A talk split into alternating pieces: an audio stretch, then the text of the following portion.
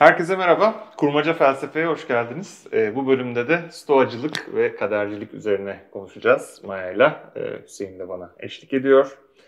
E, stoacılıktan kısaca bahsetmek gerekirse, stoacılık e, antik Yunan'da bir e, ekol diyelim ya da okul diyelim ikisini de diyebiliriz. Hem belli bir bölgeyi ifade ediyor hem de belli bir felsefi görüşü e, ifade ediyor stoacılık.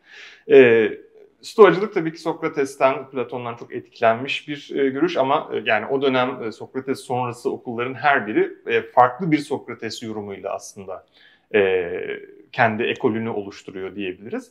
E, Stoacılıkta da özellikle bugün ele alacağımız konu e, kadercilik e, veya başımıza gelecek şeylerin zaten daha önceden belirlenmiş olması e, diyebiliriz. Bunu nasıl e, açıklarız? E, Kaderciliği biraz kısaca bahsedebilirsem. Kadercilik nedir? nedir? Kadercilik nedir? Büyük puntolarla. Fatalizm nedir? Bir de öyle evet, fatalizm, kadercilik ikisini fatalizm, kullanıyorlar. Evet. Fatalizm diye de kullanıyorlar. Ee, her şeyin de kadere bağlı olduğudur. Diyeyim susuyorum. Güzel. Bu da böyle Şöyle, bir bölüm oldu. Bu da böyle bir bölüm oldu. Şöyle tabii yer üstünde her şeyin tabii ki kadere e, dair bir şey olduğunu no söyleyecek bize kadercilik. Fakat burada tabii e, belli başlı özellikle stoacılığı biraz anlamak adına e, farklılaştığı noktalar var. Yani orada hani derinleşiyor. Stoacılık üzerinden tanıtalım şimdi biraz diyelim buna. E, mesele şu aslında fatalizm üzerinden ya da kadercilik üzerinden stoacılarda. Şimdi öncelikle determinizmle beraber ilerliyor. Bunları bazen karşıt gibi de konumlanıyor. Yani hani sanki determinizmle fatalizm arasında bir seçim yapman gerekiyormuş gibi değil. Yani bunlar birbirinden farklı da olabilir ama e, özellikle stoacılık için çok el eleler ve tamamen de örtüşüyorlar zaten. Hı hı. Determinizmi önce o yüzden bir düşünelim. Ne demek determinizm? Şu anda dünyadaki olan her şeyin aslında dünyanın veya evrenin bile diyebiliyoruz burada. Evrenin daha önceki bir e, daha önceki bir halinden şu ana zorunlu bir geçiş olduğu ve bundan sonraki evrenin bir sonraki haline de bu andan zorunlu bir geçiş olacak. Yani sebep sonuç rabıtası içerisinde, sebep sonuç zinciri örgüsü içerisinde her şeyin aslında çok e, neredeyse bir böyle sıkı dokunmuş bir ip gibi ki bu böyle ip örnekleri kaderle ilgili verilir. Örnekleri, evet, evet, zincir örnekleri.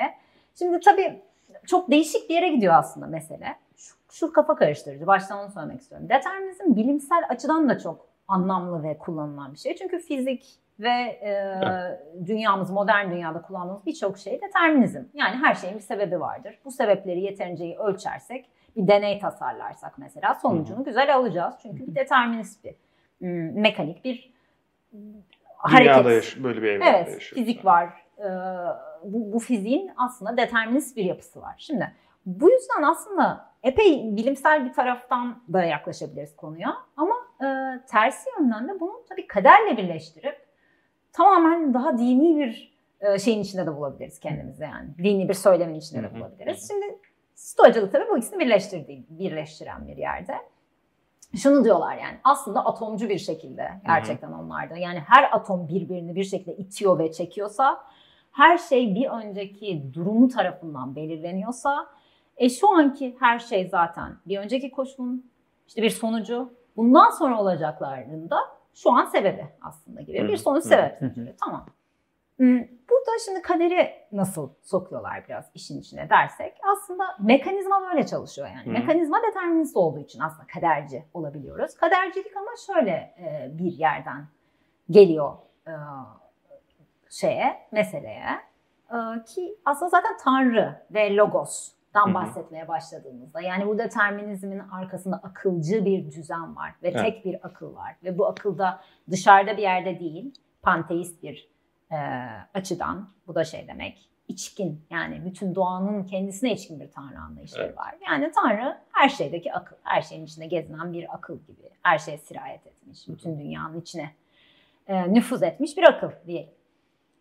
Şimdi böyle tabii bir sürü kavramı konuştuk ama e, determinizmle demek ki o zaman determinizmle kader arasında kurdukları ilişkide böyle bir e, determinizmin arkasındaki mekanizmayı da Tanrı ile açıkladıkları için ve Tanrı'nın da aslında iyi olan, inayet dedikleri, tanrısal inayet dedikleri işte Tanrı'nın merhameti, şefkati, e, üzerimizdeki bir her an aslında her yolumuzu belirleyen şey bu. Şimdi o zaman buralarda acayip tabii tartışmalı noktalar bir anda gelmeye başlıyor. O da şu. Şimdi her şey belirlendi diyoruz. Bir yandan da diyoruz ki özgür ama insan. Hı hı. Bu tabii nasıl oluyor? Yani her e, hareketimizin sebep sonucu belirli ise insanın özgürlüğü nerede çıkıyor? Bu güncel tartışmalarımızda da aslında çok benzer bir sürü tartışma görüyoruz.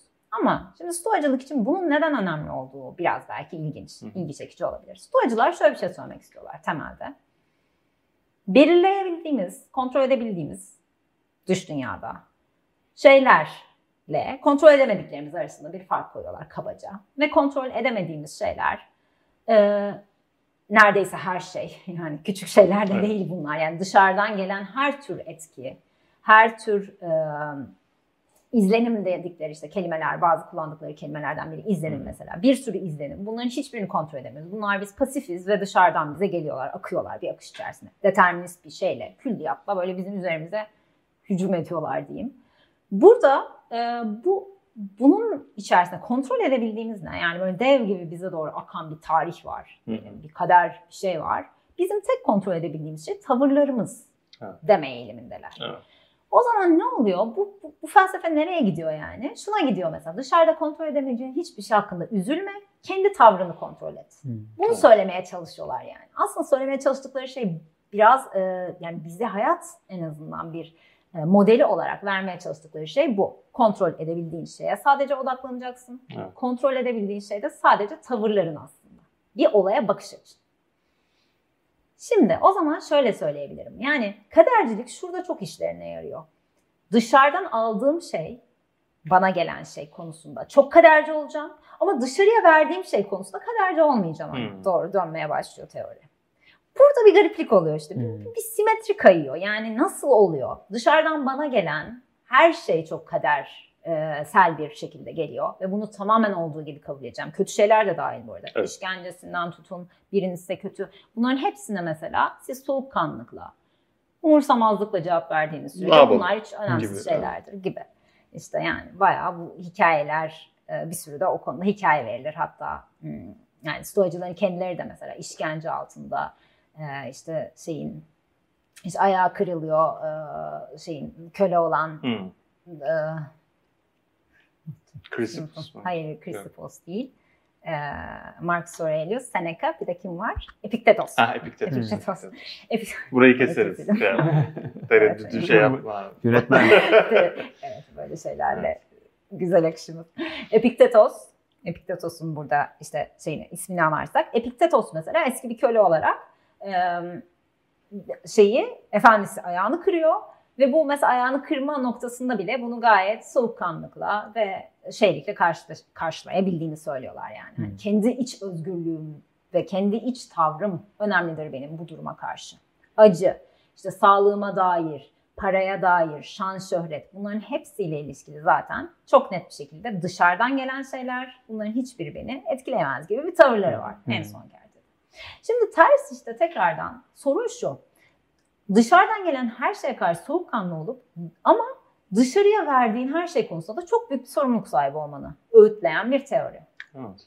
Şimdi burası biraz garip. Yani determinizm kişinin kendi tavrının nasıl işlemiyor sorusu ilk başta bu geliyor. Yani bütün evren bu Tabii şekilde ki. çalışıyorsa yani ben nasıl buna bir istisna oluşturabiliyorum? Aynen. Yani en büyük e, problemlerden birisi bu. En büyük problemlerden ee, ama sanırım yani stoacılıkta ve diğer antik Yunan düşüncesinde çok güçlü bir özgür irade kavrayışı hmm. da yok. Yani çünkü zaten e, determinizmin olması bizi varlığımızı ya da doğamızı tehdit eden bir şey değil. Bu iyi de bir şey. Bizim bunu öğrenmemiz ve buna uygun yaşamamız gerekiyor bir, bir bakıma. Yani stoacılığın demek istediği şey hani o akışa böyle direnme, o akışa çok fazla karşı çıkma. Birazcık işte tevekkül, tevekkili olmak e, gibi bir şeye e, getiriyorlar. Ama işte problem tabii e, iki yönlü. Birincisi eğer determinizm doğruysa biz nasıl buna bir istisna oluyoruz? Hı-hı. İkinci soru da tabii ki determinizm doğru mu? E, yani esas daha zor metafizik olan e, problem bu. Bir bakıma e, her yani evrendeki pek çok şeyi bu şekilde anlıyoruz. Deta- yani sebep sonuç ilişkileri üzerinden anlıyoruz. Hatta anlama yetisinin başka türlü çalışma şansı zaten yok. E, yani bir sebep sonuç haricinde bir açıklama modelimiz e, yok. Ama öte yandan buradan hareketle bütün evrenin gerçekten böyle işlediğini hmm. söyleyebilir miyiz? Yani elimizde buna dair evet. ne kadar e, hmm. veri e, var? Bu özellikle modern çağda e, daha önemli hale gelecek. Çünkü modern çağda e, Hristiyan düşüncenin de etkisiyle birlikte özgür irade çok daha merkezi bir yere e, oturacak felsefe tarihinde. Ve dolayısıyla determinizm artık özgür iradeyi tehdit eden bir e, niteliğe e, bürünecek ve günümüzde de işte yani daha modern tartışmalarda, güncel tartışmalarda işte nöro felsefelerde işte nörolojik deneyler yapılıyor. Biz aslında bir karar veriyoruz ama o kararın daha sonradan farkına varıyoruz gibi hani bu tür e, deneyler vesaire hani aslında özgür olmadığımızı mesela, ispatlamaya çalışan o, çabalar, girişimler e, karşımıza çıkıyor. O deney yani özellikle Libet deneyleri Heh, konusunda Libet deneyi, konuştuğumuzda evet. mesela şey Libet deneylerinde de mesela Libet'in vardığı nokta biraz veto etme hakkın hala vardı hmm. gibi. Hmm. Bir mesela çok değişik bir hmm. farklı bir belki yani daha uzun uzun konuşmak hmm. lazım. Onun böyle başka bir program falan yapmak lazım hakikaten ama e, şey Libet deneylerinde ortaya çıkan sonuç öyle bir bilenler için parantez olsun veto etme mesela gibi. Bu aynı şey aslında stoacılarda da görüyoruz. Şöyle yani bir akış var sen ona karşı bir tavır alabilirsin. Yani akışı kesemezsin ya da akışın yönünü değiştiremezsin ama o akışa katılma biçiminle sanki e, o akışın e, şeyini e, yönünü belli bir açıdan hani değiştirebilirsin gibi duruyor. Bur, burada şöyle bir senin o soruna Hı. yani cevaben aklıma geldi. Şimdi tembel argümanı mesela Hı. ya da tembel kanıtı dedikleri bir şey var. Chrysippus'un bu verdiği e, buna dair bir cevap olarak verdiği bir şey. Şu, o da şu. Şimdi tembel kanıt dedikleri neden hani hiçbir şey yapayım ki? Eğer evet. her şey zaten determinist bir akıştaysa zaten neden uğraşayım yani her şey olacağına varacaksa gibi. Bu, buna karşı şunu söylüyor işte e, ve gene problemi bence hiçbir şekilde çözmüş tam olarak olmuyor ama diyor ki insanın doğası e, hareket ettirici yani dışarıdan seni hareket ettiren şeye karşı nasıl bir tavır alacağım bir kez daha üzerinden aslında mesela bir silindir gibi insanın karakterini e, bir örnekle veriyor. Mesela bir silindire ilk hamleyle sen ittiğinde o yuvarlanmaya devam ediyorsa silindirliğinden gelen bir yuvarlanma diyor. Hmm. Mesela kare olsa yuvarlanmayacaktı. Hani küp olsa yuvarlanmayacaktı diyelim ya da başka bir hani şey farklı bir davranış sergileyebilirdi. Bu da ne yani her şey o zaman doğasına uygun bir şekilde hareket ettiği için itici güç dışarıdan da gelse seni bir yönden de itse senin ne yapacağın o doğanla çok ilişkili. Ama aynı problem benim doğamı ne belirledi? Evet. Gene yani sıkıştırdık. Bu sefer hani öteliyoruz problemi sanki. Evet, Bu sefer evet. doğam ne? Ve orada stoacılar biraz garip bir şey söylüyorlar. O da şu. O doğanın eğitilebileceğini söylüyorlar işte. Hmm. Yani uzun vadeli iyi hareketlerle. Ama bu o zaman normal bir ahlak teorisine doğru dönüşmeye evet. başlıyor. Yani determinizm evet. konusundan bir anda çıkıp şey demeye başlıyoruz. Yani eğitilebiliriz. İnsanlar e, belli hayat tarzları ve tavırlarını işte ne kadar mesela bir yöne doğru tavırlarını yöneltirsen o kadar işte doğanı değiştiriyorsun. Ve sonra bu doğana uygun bir şekilde kader akıyor. Evet ve stoacılıkta hmm. sanki o zaman yani determinizmin ya da kaderciliğin belli bir açıdan bir özgürlükle de uyumlu olduğu hmm. e, ya da bağdaşabileceği hmm. demek ki Evet e, öz belirlenim diye evet. de açık açık söylüyorlar evet. bu arada yani aynen sonrasında olacağı gibi. Yani öz belirlenim demek de şu demek işte tavırlarımı kontrol etme noktasında özgürdüm ya. Oralarda bir öz belirlenim sahibi olup da tavırlarımı bilinçli bir şekilde kontrol edersem, kendi elime alıp e, ancak o zaman özgür olabiliyorum işte. Evet. Ama nasıl bu öz yani belirlenimi şey yapıyoruz, tanımlıyoruz. Bu sefer de daha da garip bir şey çıkıyor ortaya. İyice karışıyorlar. Bu sefer de bu logos dediğimiz vardı ya yani ilahi bir akıl, tanrı, her şeyde olan o akıl. Ona ne kadar kendimizi uyuş uyuşan bir şekilde, onun iyiliğine örtüşen bir şekilde yaklaştırırsak o kadar da iyi belirleniyoruz. Evet. Yani böyle iyice bir karmaşa içerisine giriyoruz ki hani kader hani tekrardan bir kadere sokuyor bizi. Yani ne kadar kadere uygun davranırsam da o kadar özgür olmuş olduğum bir e, bana kapı açıyor. Bu hala bir sürü tabii soruyu hakikaten de şeyde bırakıyor, havada bırakıyor yani hala nasıl yapabilirim? Sanki burada e, determinizm, özgür irade tartışmasından böyle çıkamıyor ya bu stoacı evet. görüş. E, bunu böyle daha minimal bir görüş gibi alsak acaba daha iyi anlar mıyız? Mesela şunu demek istiyorum. Orada tutum çok ön planda. Hani olaylar oluyor. Özellikle bana bir şeyler oluyor. Ben daha pasif kaldığım e, durumlar, benim daha pasif kaldığım durumlarda bana olan olaylara karşı tutumum onlara isyan etmek ya da çok üzülmek, kendimi yerden yere atmak gibi değil de onları kabul edip e, kendi tepkimi, tutumumu ayarlamak şeklinde Evet, olmalı. evet. Bunun mesela belli ki bir faydası var. İşte e, Epiktetos örneğinde ver, verdiğin gibi. E, diğer yandansa ben mesela aktif olduğum zaman daha işte e, dünyayı değiştirecek hamleler yaptığım zaman mesela işte Marcus Aurelius'u da düşünebiliriz.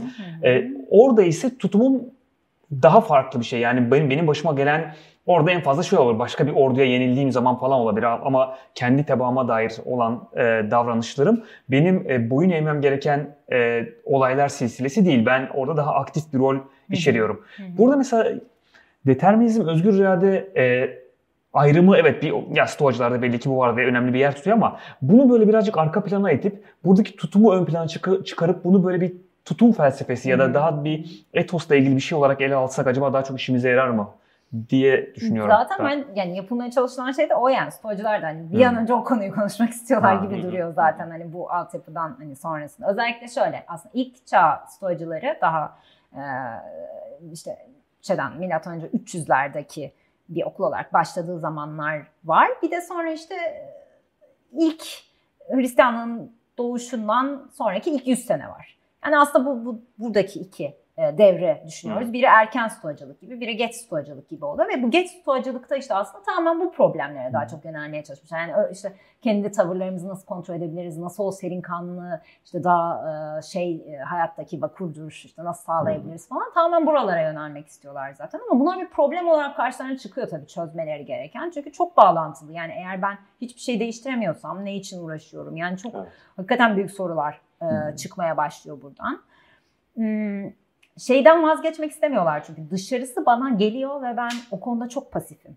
Hı hı. Ama kendi içimdeki işte aktif e, halimde neyle açıklayacağım yani? Her şey pasif bir şekilde geliyor. Ben bir anda kendi içimde çok hani bir mekanizma dönüşüyor ve o pasiflikten böyle tamamen kendi kararını veren bir birey olarak çıkıyorum. Kısmı zor bir kısım. Evet. Yani tanrısal bir şey de kaderin parçası. Her şey belirli zaten Evet. gelecekte olacak dediğinde çok tabii kafa karıştırıcı bir şey yere gidiyor yani. Evet, modern dönemde de bu problemin herhalde en e, bariz örneğini Spinoza'da Hı hı, e, bulduğumuz söylenebilir ve Spinoza Evet. buna sanki şöyle bir çözüm buluyor. Bilgi, e, yani beni nelerin belirlediğini bildiğim takdirde özgür oluyorum. Yani Hı hı. davranışımda ya da dünyayı değiştirmede ya da başıma gelenlerde bir şeyim yok. Kontrolüm yok.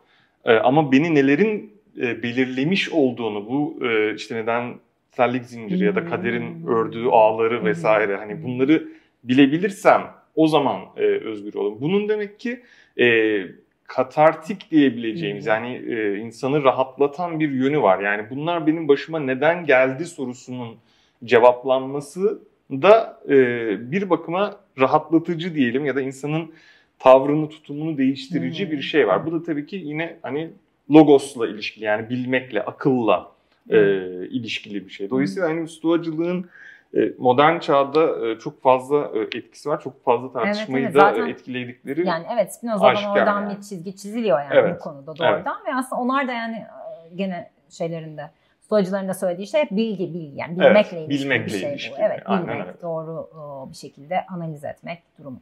Şöyle bir şey var ya, şöyle bir fark düşünüyorlar muhtemelen. Yani ben hiçbir şey bilmeksizin sürekli dışarıdan bana gelen izlenimlere kapılıp onlara verdiğim ilk ani reaksiyon ki bunları mesela hayvanlar çocuklarda böyle olduğunu söylüyorlar mesela. Akıl daha o- hani o aklın o şekilde kullanılmayan akıl her yerde ama bizdeki akıl biraz daha farklı bir akıl Evet. insanda.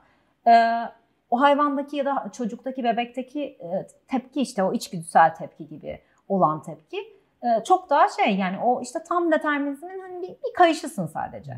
Evet. Biz de determinizmin bir kayışıyız ama biz işte sanki akıl, aklı devreye soktuğumuzda daha doğru bir kayış olmaya başlıyoruz. evet. O determinist çizgide gibi duruyor yani. Evet. Onların söylemeye çalıştığı şey bu. Yoksa gene her şey determinizm. Gene ben bir tepki veriyorum. Ne bir şey alıyorum. Onu içeride bir tepkiyle dışarı yönlendiriyorum. Ben yani bir, bir sadece zincirim. O üçlü de diyelim. Evet. Bir şeyi aldım.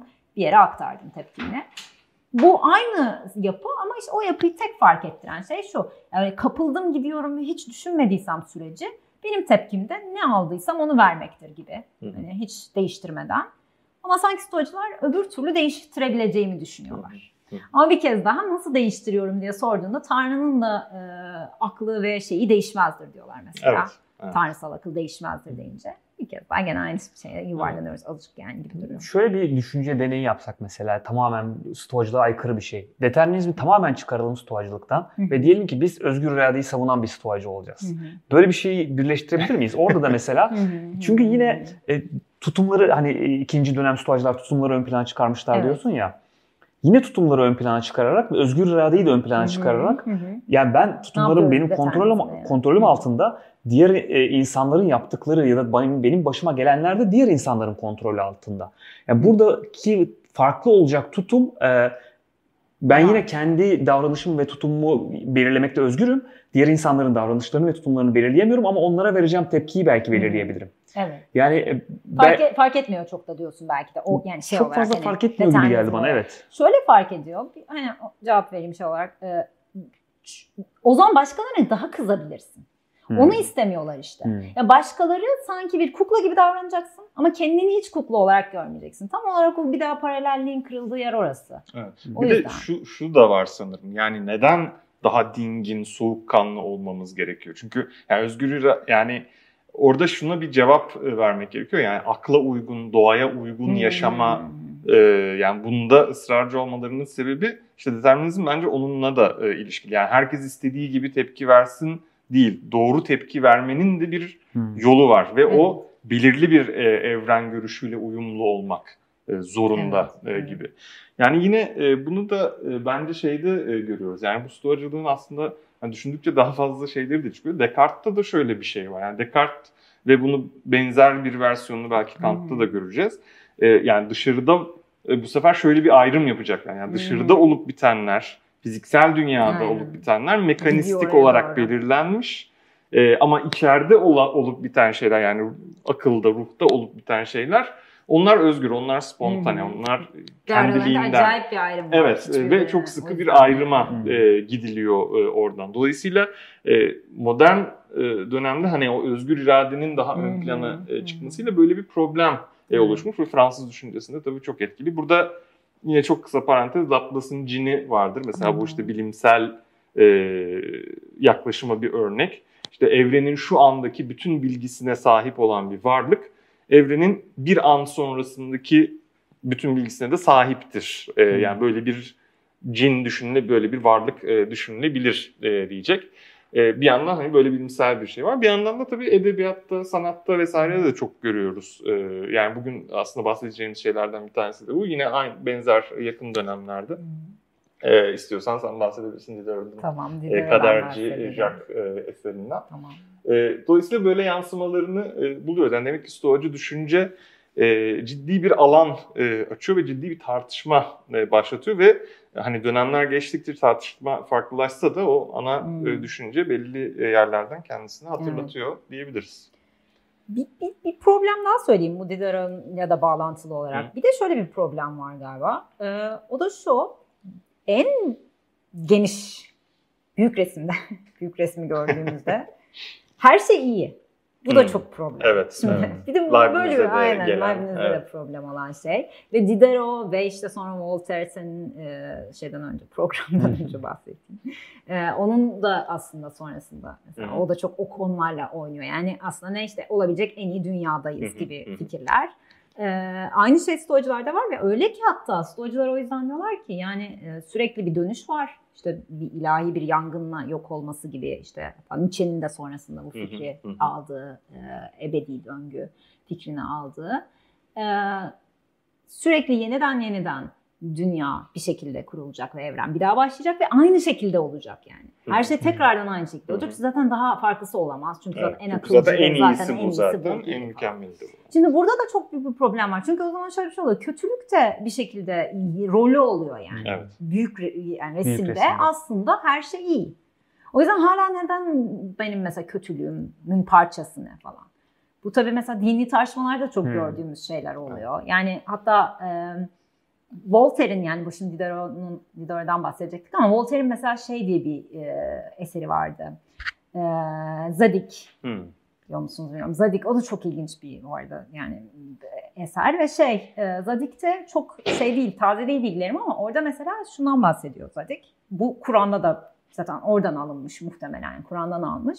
E, Zadik biriyle karşılaşıyor ve o kişiyle bir yolculuğa çıkıyor. Zadik diyor ki burada e, bilge bir insan. İşte bana bilgeliği öğret gibi bir işte şey var Zadik'in yaklaşımı. O da sen anlayamazsın. Hani bunun için işte daha hani büyük görmen lazım falan gibi. Ve gittikleri evlerde sürekli böyle ters bir şeyler oluyor. Mesela işte bir, bir keresinde evi yakıyor e, bu bilge kişi. Halbuki çok iyi davranıyor ev sahibi ona falan. Halbuki işte ev sahibi sonra anlaşılıyor ki ev sahibi Zadi'ye düşman bir insanmış hmm. ve ileride onun başına işte kötü bir şey gelmesini sağlayacakmış. Ya da işte bir hmm. küçücük bir çocuğu suya atıyor. Gene işte bilge denilen bu figür. Sonra diyor ki işte bu küçük çocuk aslında büyüyünce işte onu öldürecekti, bunu öldürecekti. hani işte küçük kitler bebeği evet, öldürdü evet, falan gibi bir yani öyle bir hikaye oluyor falan. Bu hani hakikaten benzer bir hikaye şeyde Kur'an'da da geçiyor zaten. Ve şey burada yani aslında ben çok büyük bir bilgi olarak hani en iyiyi kötüler, kötü yollardan da bulabiliyorum. Şimdi bir de bu, bu girince işin içine daha da beter karışıyoruz. Evet. Çünkü o zaman yani ben hani yaptığım kötü bir şey belki iyiye sonuç verecek. Nereden bilebilirim? falan tabii çok ahlaki bir sürü problem doğuyor yani oradan. Evet başkasını Hı-hı. niye o zaman neyle suçlayacağız ya da başkasını nasıl, nasıl eleştireceğiz gibi bir problem evet, evet. ortaya çıkıyor. Evet. Bu, bu da en son olarak belki şey diyebiliriz. Yani buradaki sıkıntı şu yani o zaman hani bize bir çözüm önermeyen işte e, ne diyebiliriz redundant dedikleri ya da gereksiz diye Türkçe'ye bunu belki çevirebiliriz. Yani gereksiz bir teori haline geliyor çünkü her şeyi kuşatıyor zaten. Yani evet. kötülük de içinde bir parçası bu işin. Hani iyilik de parçası. Ne hareket etsem sanki bir şeye hizmet ediyor ve o da zaten kadere hizmet ediyor. Yani ben hani bana bir şey öğütlememeye başlıyor bir yerden evet. sonra. Evet. Yani tek öğütleyebildiği tekrardan tavırlar oluyor mesela. Ama buraya bile yani sarsılmaya başlıyor, çatırdamaya başlıyor hmm. bu fikri. Niye hani satın alayım oluyorsun biraz. Evet. Bu kadar determinist bir düşüncede hmm. diye. Bir de istiyorsanız şeyi o zaman Diderot'un bu kaderci Jack ve efendisi diye bir hangi kamera? Kamera, kameraları gösterelim. evet şey ya bu e, ilginç bir kitap şöyle yani bütün aslında kitap boyunca güzel de kurmuş e, Diderot bir sürü fikirle oynuyor kendi içinde. Yani bir edebiyat eseri olarak bir sürü fikirle oynuyor. Çünkü bir konuşmacı var mesela sürekli akışa müdahale eden bir konuşmacı hmm. var her hikaye kendi içinde başka hikayelerle bölünüyor. Tam bir hikaye başlıyorsun. Başka bir hikaye konuşuyorduk. O ne oldu diye biri soruyor. O hikayeye geçiliyor. Böyle hmm. inanılmaz bir karman çorman hikayeler yığını iç içe. Ama bu da şeyi bize hissettiriyor sürekli. Hem kaderi bir yandan hissettiriyor. Yani kontrol edemeyeceğimiz bir akış var. Hmm. Ve o akışın içinde bir şeyler bir şeyleri açıyor. Bir şeyler mesela birbirleriyle bağlantısız gözüküyor sonra birleşiyorlar gibi. Bir yandan da şeyi de sürekli sor, sordurtuyor bize. Hani bir yan yani bu kader dediğimiz şeyin de aslında e, hem bir parçası olarak içindeyiz hem de e, seçim yapıyormuş gibi gözüksek de aslında bu seçimler şey gibi bir noktaya yani gelmek istiyorum. Mesela şimdi bir, bir silah göründüğünde patlar meselesi vardır ya o. Ya bir kitabın kurgusu da öyledir ya. Yani kitapta bir cümle varsa o cümle bir şekilde ileride bir şeye sebep olacaktır. Evet, Deterministtir evet. o yani. Hmm. Evet kitap yani kurgunun kurmacanın kendisinde sanki evet, determinist, determinist bir şey var. Bir şey olması evet. gerekiyormuş gibi. Evet. Çünkü anlamı öyle veriyoruz biz. Evet. Yani hmm. şu saçma bir şey görseydik e, ileride bu bir daha karşımıza çıkmasaydı evet. derdik niye koydu onu oraya falan gibi bir soru evet, işte olur 20. Yani. yüzyılda Hı-hı. o tür denemeler. Tabii o tür Godoy'u beklerken de vesaire Aynen. olduğu gibi. O yüzden bu, bu kitap onlarla da çok oynuyor. Kitabın konusu o konu o manada çok yani girmemize gerek yok ama şöyle bir şey var. Bir işte Jack e, kaderci bir Jack karakterimiz var. İşte hani bir de bir efendi var. Aslında Jack asker ama bir şekilde esir düşmüş gibi bir, birinden birine el değiştire değiştire bu kadar efendisine kadar gelmiş ve sürekli bu şey vurgulanıyor. Yani ben nerelerden geldim? Bütün hayat beni buraya kadar getirdi. Hani bir zincir olarak ve bir yere de gidiyoruz. Ve sürekli Jack'ın tek söylediği şey işte göklerde ilahi olarak ne yazıldıysa odur. Ee, işte parşömen diyor bazen işte ilahi parşömende yazılan olacaktır. Ve şu ilginç her olan şey mesajlar ve bir tür simgeler, imgeler yoluyla bir şeyler çağrıştırıyor bize. Ama Jack hep diyor ki belki de o simge bizi yanıltmak için de konmuş olabilir. Yani hmm. bu kadar her türlü ihtimal açık. Her türlü ihtimale evet. tekrardan düşüp tekrardan aslında bir ihtimaller dünyasında denizine de düşüyoruz. Yani kitap onunla da oynuyor biraz. Hmm. Yani o kadar her kadarcı ki hani ihtimalciye dönüyoruz falan. Evet. Resmen böyle bir kendi içinde garip bir şey e, yaratıyor.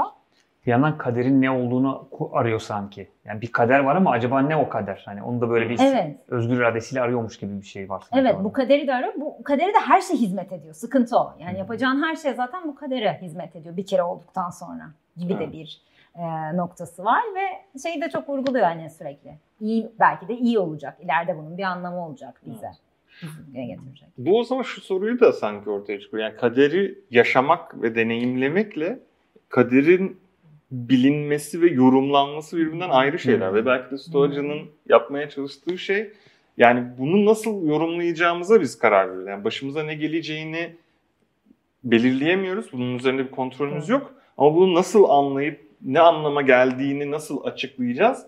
Burada sanki bir özgürlüğümüz e, var ve bunu doğru şekilde yaparsak aslında e, başımıza gelenlerden o kadar da kötü etkilenmeyeceğiz gibi bir yere hmm. sanki getiriyorlar. Bu hani günümüzde de stoacılığın popüler hale gelmesinde bence hmm. böyle bir şey var. Hmm. E, çünkü kontrol edemeyeceğimiz felaketlerle her gün e, karşılaşıyoruz. Hmm. Bari bunlardan daha az etkilenmeye e, çalışalım. Ama evet. bu e, bir yandan bir şey da ama güzel bir şey de evet, söyledin. Yani çok e, çözücü bir şey de söyledin hani. Evet Biraz. ama burada işte bu bu öneri de birazcık e, züğürt tesellisine hmm, dönüşüyor bir yerde. Evet, yani hani başa gelen çekilir gibi bir şeye e, geliyor. Sen hani kendini üzme falan gibi bir şeye geliyor. Ama yani karşılaştığımız problemler e, öyle sen kendini üzme ya da işte e, boş versen akıl sağlığını koru vesaire gibi tavsiyelerle hmm. geçiştirilecek nitelikte mi? E, esas problem belki de hmm. burada. Yani o aşamayı belki kırmak veya insanı daha harekete yönlendiren, evet. insanı daha e, bir araya gelip bir şeyleri değiştirmeye yönelten bir felsefeye belki de bugün hı hı, e, hı. ihtiyacımız olduğunu evet. söylemek mümkün. Bilmiyorum. Evet. Jack ne diyor acaba? Onu Jack, Jack ne diyor? Sen dert etme falan diyor. Jack, Jack dert Zaten sen isyan da etsen, bir araya da gelsen olacaklar belli diyecek. Çünkü Aynen yani öyle. bu cevap her zaman muhtemelen o teorinin içerisinde hazır. Evet, okuyarak söyleyeyim. Aynen evet, öyle diyecek güzel. çünkü. güzel. Senin dediğin gibi diyecek yani. Şimdi efendiyle konuşuyorlar Jack. Yani küçük bir pasaj sadece görmek için nasıl bir hani havası olduğunu. Jack diyor ki efendim hayatta neyin mutluluk neyin üzüntü getireceğini bilemeyiz. Hayır şerre getirir, şer hayrı getirir. Gecenin içinde yukarıda yazılanın altında yürüyoruz. İsteklerimizde, neşemizde, üzüntümüzde mantığa sığmıyor. Ağladığım zaman sık sık aptallık ettiğimi fark ediyorum. Peki güldüğünde diye soruyor efendisi. Jack yine aptallık ettiğimi fark ediyorum. Ama ağlamak da gülmek de elimde değil. Beni çileden çıkartan da bu. Yüz kere denedim. Gece gözüme uyku girmedi.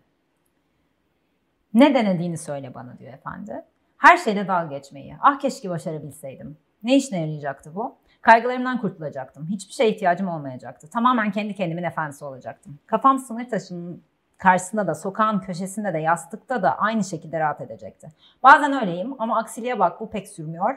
Ve önemli durumlarda bir kaya gibi sert ve dayanıklıyken küçük bir uyuşmazlık, saçma sapan bir şey yüzünden kayışı kopardığım oluyor. Kendimi tokatlayacak kadar. Bundan vazgeçip olduğum gibi olmaya karar verdim. Ve biraz düşününce gördüm ki aynı kapıya çıkıyor. Üstelik ne fark eder ki? Bu tevekkül etmenin daha kolay ve işe gelen bir biçimi. Yani gene burada aslında bütün söylediklerimizi biraz toparlar bir şekilde. Yani hani aynı kapıya çıkıyor. Ee, kontrol edebileceğim şey mutluluk veya işte mutsuzluk, üzüntü, ağlama, bağırma, çağırma, isyan etme. Bunları kontrol edebilirim ve aslında bunları kontrol etmeyi umuyor bir yandan da. Yani bu teori bana, yani bu, bu bakış açısı bana bunu getiriyor diyor. Ama sonra aslında o bile ne fark eder de düşüyoruz evet. tekrardan. Veya o, onun bile kaderde yazılı olduğunu söylüyor. Yani güleceksem güleceğim, ağlayacaksam ağlayacağım. Kaderimde neyse o diyor. Evet. Yani ve burada hani kendi kendinin efendisi olma e, yani bu çok önemli. Yani siyasi, siyasi açıdan da, dini açıdan da pek çok açıdan çok önemli. Ama e, açtığı alan yani kendime hakim olabildiğim e, ya da kendi özgürlüğümü yaşadığı, yaşayabildiğim alan olağanüstü kısıtlı. Yani bu toplum içerisinde değil, sistem içerisinde değil. Kendi içimde ben kendimin efendisi olabiliyorum. Ama ya başka diğer her türlü durumda sanki işte Rus'un dediği gibi zincire vurulmuş e, vaziyetteyim ve buna karşı da çok da yapabileceğim bir şey yokmuş gibi e, bir yere e, sanki çıkıyor. Bilmiyorum sen ne düşünüyorsun bu Biraz şeyle Atalım ilgili mı sanki. düşünceyi çöpe mesela? Ee, biraz alakasız bir yerden bağlamaya çalışacağım. Yapay zekayı mesela düşünün. Aha. E, bu e, AlphaGo diye bir e, uygulama ha. en büyük işte e, oyuncunun ismini unuttum. Go Lee, oyuncusunu yendi. Ledong muydu? Evet. Bir şey. Ledon muydu? E, Güney Koreli Go oyuncusunu yendi. Yani mesela AlphaGo'nun Go oyuncusunu yen- yenmesi sırasında olan şey daha önceden belirlenmiş bir şeyin olması değildi. Daha Hmm. önceden birçok oyun e, buna bu makineye verildi ve makine o adımları öğrenip ona göre oynamadı. Orada Yeni bir pozisyon. karşısında alınan adımlara göre önceki adımlara bakarak yepyeni bir şey yarattı. Yani hani burada hep stoacılarda biz insanın de, e, kadere bağlı, bağlı olduğunu, kader tarafından yönlendirildiğini ve her şeyin yönlendirildiğini Hmm. konuşurken insandan e, nispeten daha basit bir e, sistem olan yapay zekayı düşündüğümüzde şu anki haliyle daha basit bir sistem. Orada bile aslında determinist olmayan bir şeyin olduğunu görüyoruz. İnsanda bir şeyin determinist olması çok daha e, zor kabul edilebilir bir şey gibi geliyor bana bunu gördükten sonra. Ya işte şey örneği hep veriliyor. E, Kasparov'u yenen Deep Blue, işte e, adını unuttuğumuz oyuncuyu yenen AlphaGo Go, e, yazılımı. Bunlarda bile yani daha önceden belirlenmiş bir şey olmuyorsa çok daha kapsamlı, kapsamdan kastım tabii biz onlar kadar büyük bir hesaplama kapasitesine sahip değiliz ama her alana uyum sağlayabiliyoruz. Her Evet. alanda bulunabiliyoruz. Su altında gidebiliyoruz, gökte gidebiliyoruz, hesaplama yapabiliyoruz. Başka alanlara girdiğimizde onlarda da uyum sağlayabiliyoruz. Bu kadar geniş uyum kapasitesi olan, bu kadar geniş başlatma kapasitesi olan bir canlının, insanın determinizm e, tarafından yönlendiriliyor olmasını kabul edemiyorum. Yani yoktur diyemiyorum felsefe olarak. Kabul etmek zor Evet. Evet. Evet. Evet. gibi geliyor bana. Şeyi bu gene da aklıma geldi senin dinlerken e, attan yani kendini attan atmasıyla ilgili bir şey söyle efendisine. Diyor ki attan atmazsın mesela kendini şu anda diyor. Yani hani özgür iraden nerede? At bakalım kendini attan diyor. Yani efendim diyor ki atarım bak hani. Delirtme beni falan hani basma damarıma falan. Diyor ki hadi atın falan. Yani iyice böyle tartışma alevleniyor ama atmak üzereyim falan. Aynı bir şey geliyor. Ve Jack diyor ki atın size şunu söyleyeceğim diyor. Bakın benim yüzümden kendinizi attınız. Evet, Hiç o da durduk bir yere belirli- yokken. Hmm. O da bir Yani belirlenim hani evet o da bir belirlenim. Evet. Hani siz kendinizi atacak değildiniz. Sadece bana inat, benim bana bir şey kanıtlamak adına kendinizi atmış oluyorsunuz. Gene Hmm. aslında benim etkim altında attınız yani gibi Hmm. yere varıyor. Ee, evet yani şey o manada da hmm, yani çok aykırı. Senin dediğin şeyden geldi aklıma biraz hani yapay zekanın şey bir hareket yaptığını düşünüyoruz. Belki yaratıcı bir hareket. Hatta yaratıcılık Evet, nedir evet. o konuşmalar oradan çıkıyor biraz. Hı hı. Hani onlar tartışma e, da gündeme geliyor. Aslında yaratıcılıkla belki de E, ya da işte machine learning'in yani Evet. işte şeyin e, yapay zekanın kendi öğrenmesinin bir tür yaratıcılığa yol Evet. açabileceği gibi tartışmalar var ama burada bir de hala işte şey diyebiliriz yani yaratıcılık nedir? Yani Hı. bildiğimiz alternatifler dışında kalan bir alternatif seçmek Hı. gibi. Ama o da bir alternatifti işte. Gibi. Bilmiyorum yani evet çok büyük açıdan baktığında bir kez daha her şeyi bu teoriye yedirebiliriz gibi de duruyor da. O zaman da redundant demiştin ya demin. Aynen. Gereksiz. Evet, o zaman hiçbir şey gereksiz- açıklamayan gereksiz Hiçbir şey açıklamayan boş bir teoriye şey dönüşüyor o zaman da. Evet. Kazanma Dolayısıyla liseyi. terk ediyoruz stoğacılığı. Dolayısıyla evet ben zaten ben determinizme de çok şey yapmıyorum. Tamam o zaman yani. yönetmenimizin son sözünü de aldıktan sonra Yönetmenin burada. Ve Acıktım falan gibi şarkılar yapıyor. yönetmenin e, kararlarını e, Evet. göre hareket ettiğimiz O için da bizi belirlemiş olacak. Yönetmen bizi belirliyor Oysa burada. oradan bağlayabiliriz. Evet. Ee, o zaman kapatalım. İzlediğiniz Evet, için çok teşekkür Teşekkür ederiz. ederiz. Ee, bir sonraki bölümde görüşmek Sonraki üzere.